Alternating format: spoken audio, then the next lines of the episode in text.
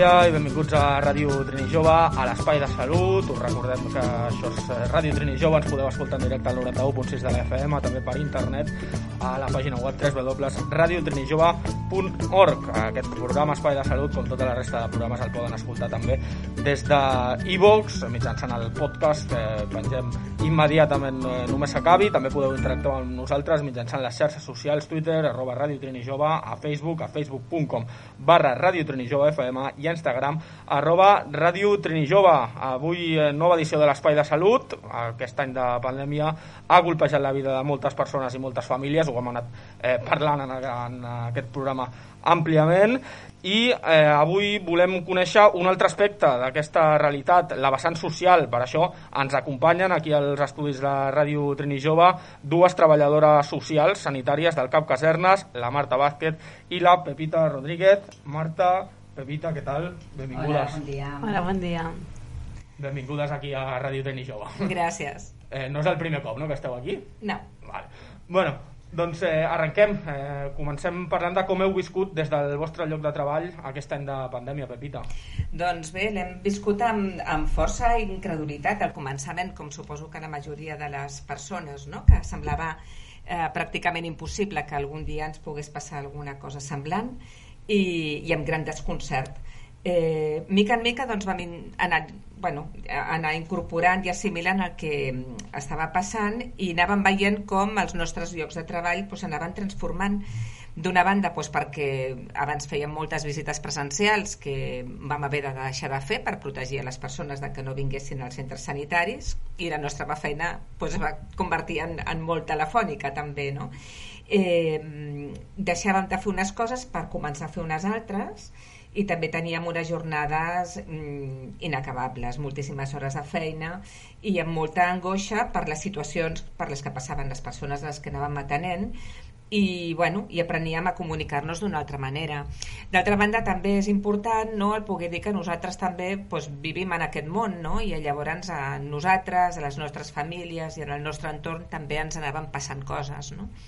Coses també relacionades amb la malaltia i amb la pandèmia, amb la qual doncs, ha sigut un, una combinació personal, familiar, laboral mm, complicada, difícil. Quines problemàtiques heu atès eh, les treballadores socials eh, sanitàries del, dels CAPs, Marta? Podríem dir que durant aquesta pandèmia hem intervingut a famílies que d'una altra manera segurament no haguessin acabat d'arribar perquè nosaltres féssim una intervenció. No? Ens hem trobat eh, circumstàncies molt diverses eh, trobàvem persones, per exemple, positives que no podien fer el confinament a casa seva i que perquè aquest no reunia les condicions. Hi havia no moltes persones vivint al mateix lloc compartint habitacions, eh, convivència en estàncies molt petites amb persones de gran risc, no? Llavors eh, calia intervenir en aquestes famílies. També hi havia famílies senceres que necessitaven alimentació o medicaments a la farmàcia o que no tenien ningú que pogués treure el seu gos al domicili, no?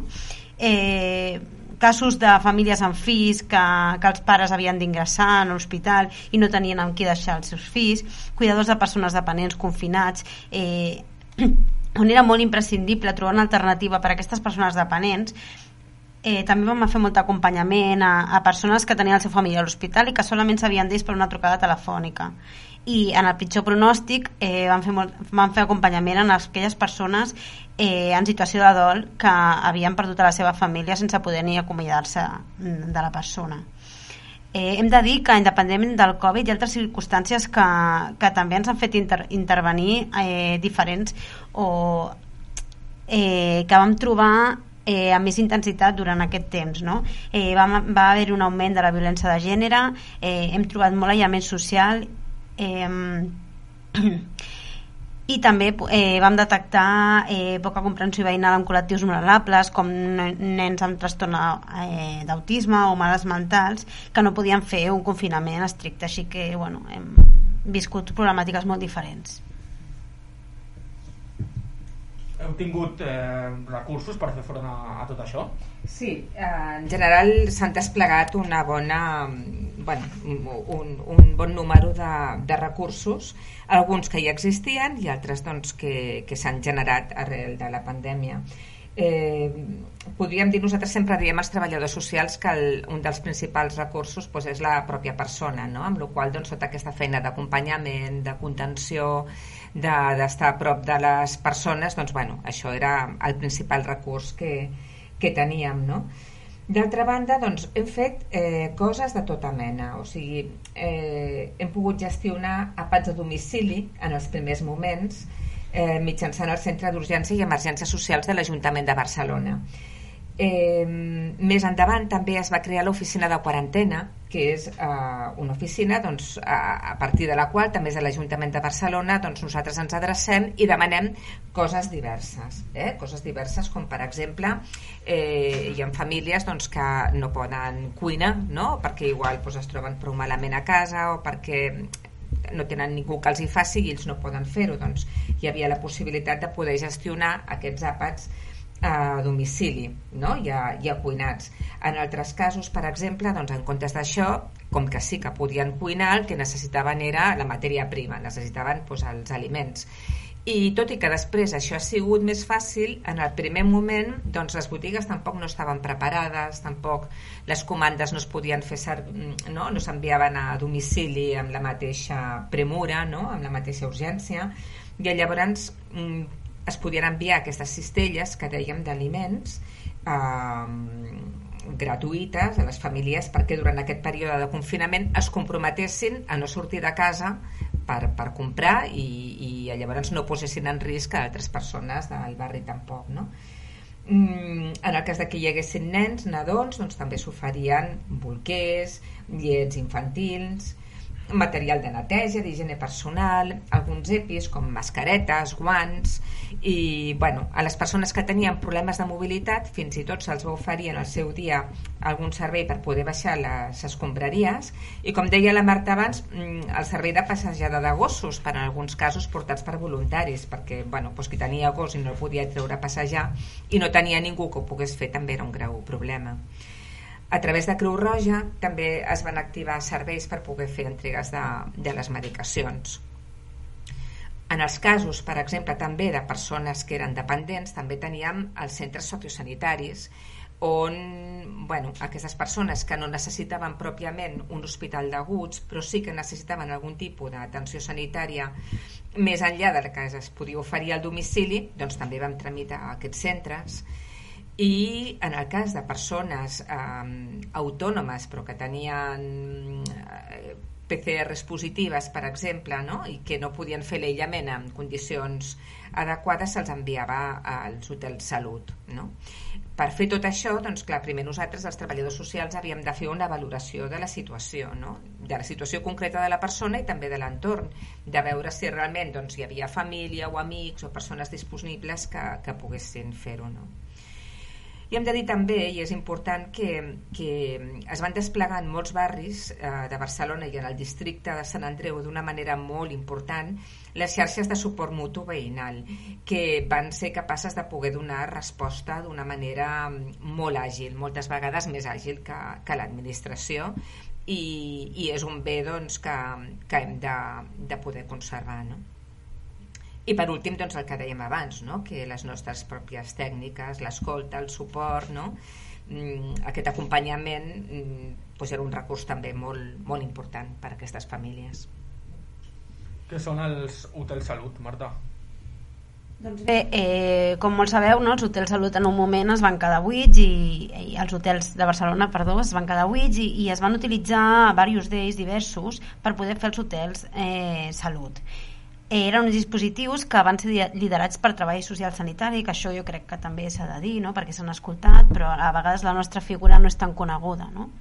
Eh, aquests hotels proporcionaven un espai d'aïllament temporal per a aquelles persones que havien de fer l'aïllament i no podien fer adequadament el seu domicili. Ja ho hem explicat una mica abans, no? perquè trobaven famílies amuntegades eh, o famílies amb persones de, amb molt de risc, convivint amb molt pocs metres i calia eh, tenir alguna alternativa i s'havia de trobar una alternativa àgil.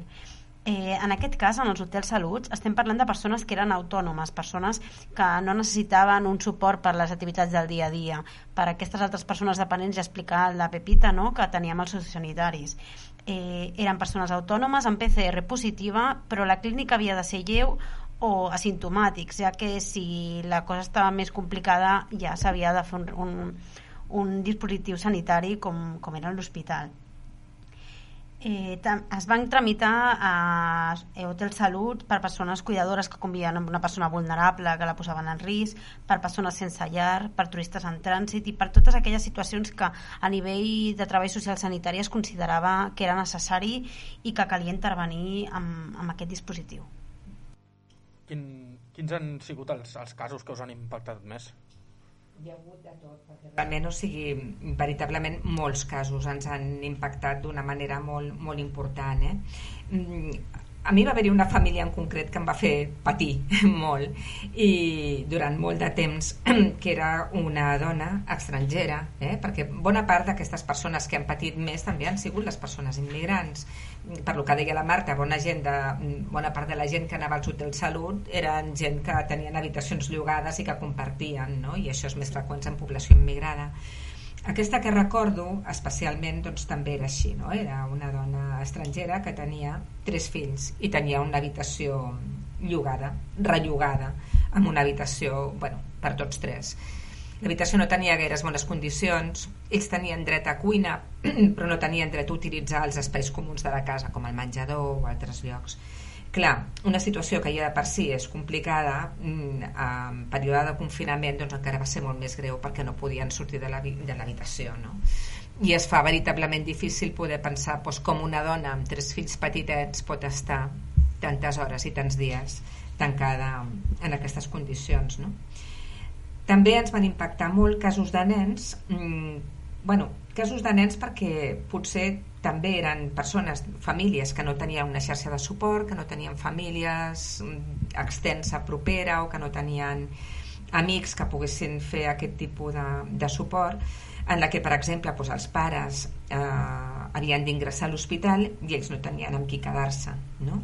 algun cas també de que algun dels progenitors fins i tot va morir eh? i persones joves que estaven a la UCI en aquest cas, bueno, també vam trobar una mica de tot, no? des, de, que, des de la Direcció General d'Atenció a l'Infància i l'Adolescència doncs, es van crear algun dispositiu per poder donar suport i també eh, com altres companys del col·le dels nens, per exemple, altres pares doncs, mm, els havien acollit a casa seva, que això també és bonic també casos de cuidadors dependents, no? de cuidadors de persones dependents. No? De vegades, clar, mm, la persona que, que es contagia i que mor doncs no, no ha estat la persona dependent i malalta, sinó que ha sigut la persona a la que li cuidava doncs el seu marit o, o algun altre membre de la família. I llavors aquí no només era la pena per, per la mort de la persona que, que, que havia mort, sinó també organitzar què feies a partir d'ara amb aquesta altra persona que quedava indefensa això significava també doncs, bueno, doncs haver de buscar un lloc per ingressar-los, una residència definitiva o, o altres. Però n'hi ha moltes situacions molt dures i molt difícils en aquest temps. Eh, quines conseqüències eh, ens deixa ens deixarà a nivell social la pandèmia en el nostre entorn? Doncs bé, eh, hem de dir que deixa moltíssimes seqüeles, no? Sí que potser destacaríem tres, que una ja ho hem parlat i ho hem anat comentant en les diferents preguntes, que és el gran, el gran dol, no? Que caldran elaborant, perquè eh, hi ha hagut moltes pèrdues i moltes d'elles no s'han pogut estar acompanyades per els familiars, no han pogut acomiadar-se i no, no han pogut ni, ni fer el, el ritus, no han pogut ni en el tanatori ni no han pogut tancar el procés com, com estem acostumats no? i això doncs caldrà un temps i, i, i caldrà una elaboració que encara que ja hem començat a sortir i la gent no, no és com al principi això porta, porta un temps. Clar, clar. De fet hi havia gent no, que no podia visitar les famílies no, al, ni a l'hospital ni als centres sanitaris i que es comunicaven gràcies a les tauletes quan les tenien no? i fins i tot que estava la, la família confinada no, que mm, estaven amb el patiment d'ells mateixos que estaven que es trobaven malament no? i a la vegada no? Mm, l'altre sabent com estava de, Clar. I fins i tot, Marta, si recordes, havíem rebut alguna trucada d'alguna persona que ens preguntava on estava el familiar eh? que això també era especialment dur, no? perquè igual havien perdut la pista o perquè...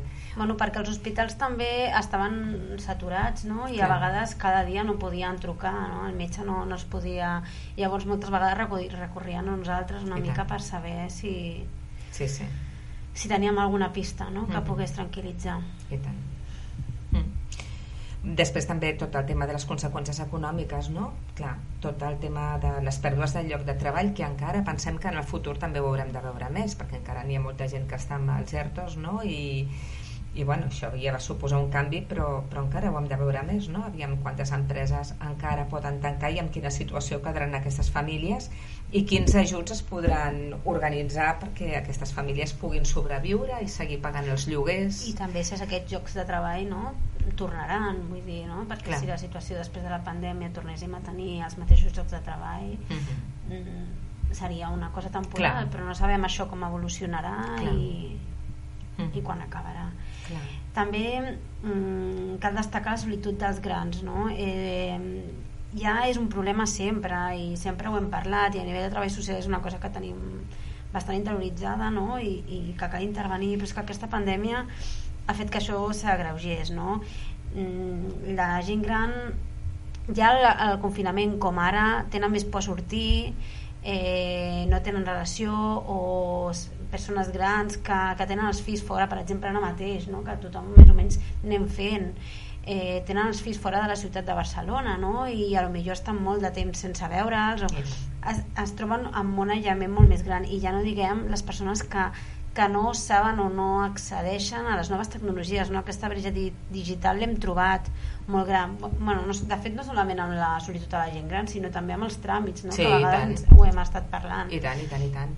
I tant. Bueno, clar, també perquè han acompanyat com moltes coses, no? també a nivell d'altres institucions no? que també s'han tancat una mica, s'han fet cites prèvies, no? que han tingut molts problemes per poder accedir doncs, a les oficines de la Seguretat Social o...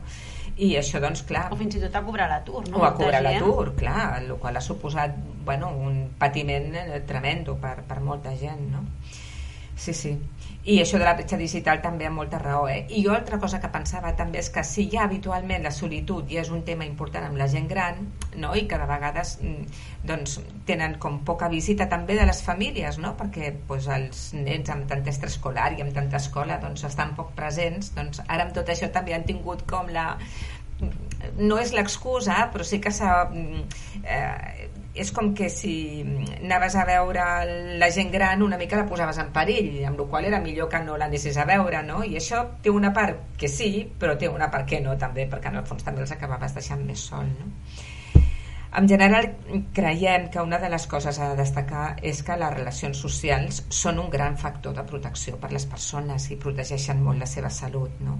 En la mida que aquestes relacions socials en general s'aprimen, no? que ens veiem menys amb tothom, doncs això ens fa més vulnerables i, i hauríem d'intentar revertir-ho d'alguna manera. hauríem d'aprendre una mica de, de la pandèmia el fet que ens ha fet recordar que és molt important tenir-nos els, als, als altres no? tenir la família, tenir els veïns i potser és, mm, és bonic acabar amb aquest missatge no? de que hem d'aprendre a cuidar-nos i que hem de potenciar el tresor, tresor de les persones que tenim al voltant no?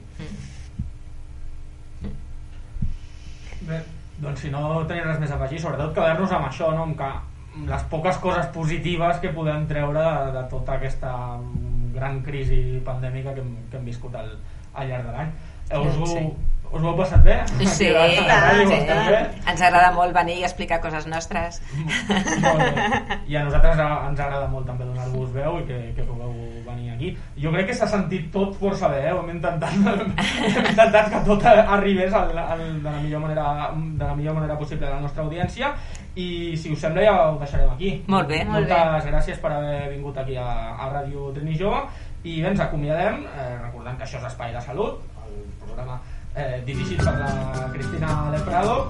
I aquí a Ràdio Trini Jove, al 91.6 de la FM matem cada dilluns a partir de la una del migdia ens podeu escoltar per internet també a radiotrinijove.org i aquest programa com tota la resta de programes evidentment també el podeu escoltar escoltar mitjançant el podcast a iVox, que pengem eh, només s'acabi, ara mateix el penjarem a la, a la xarxa social. També podeu interactuar amb nosaltres mitjançant el Twitter, arroba Ràdio Trini Jove, a Facebook, a facebook.com barra Ràdio Trini Jove FM i a Instagram, arroba Ràdio Trini Jove. Fins una altra.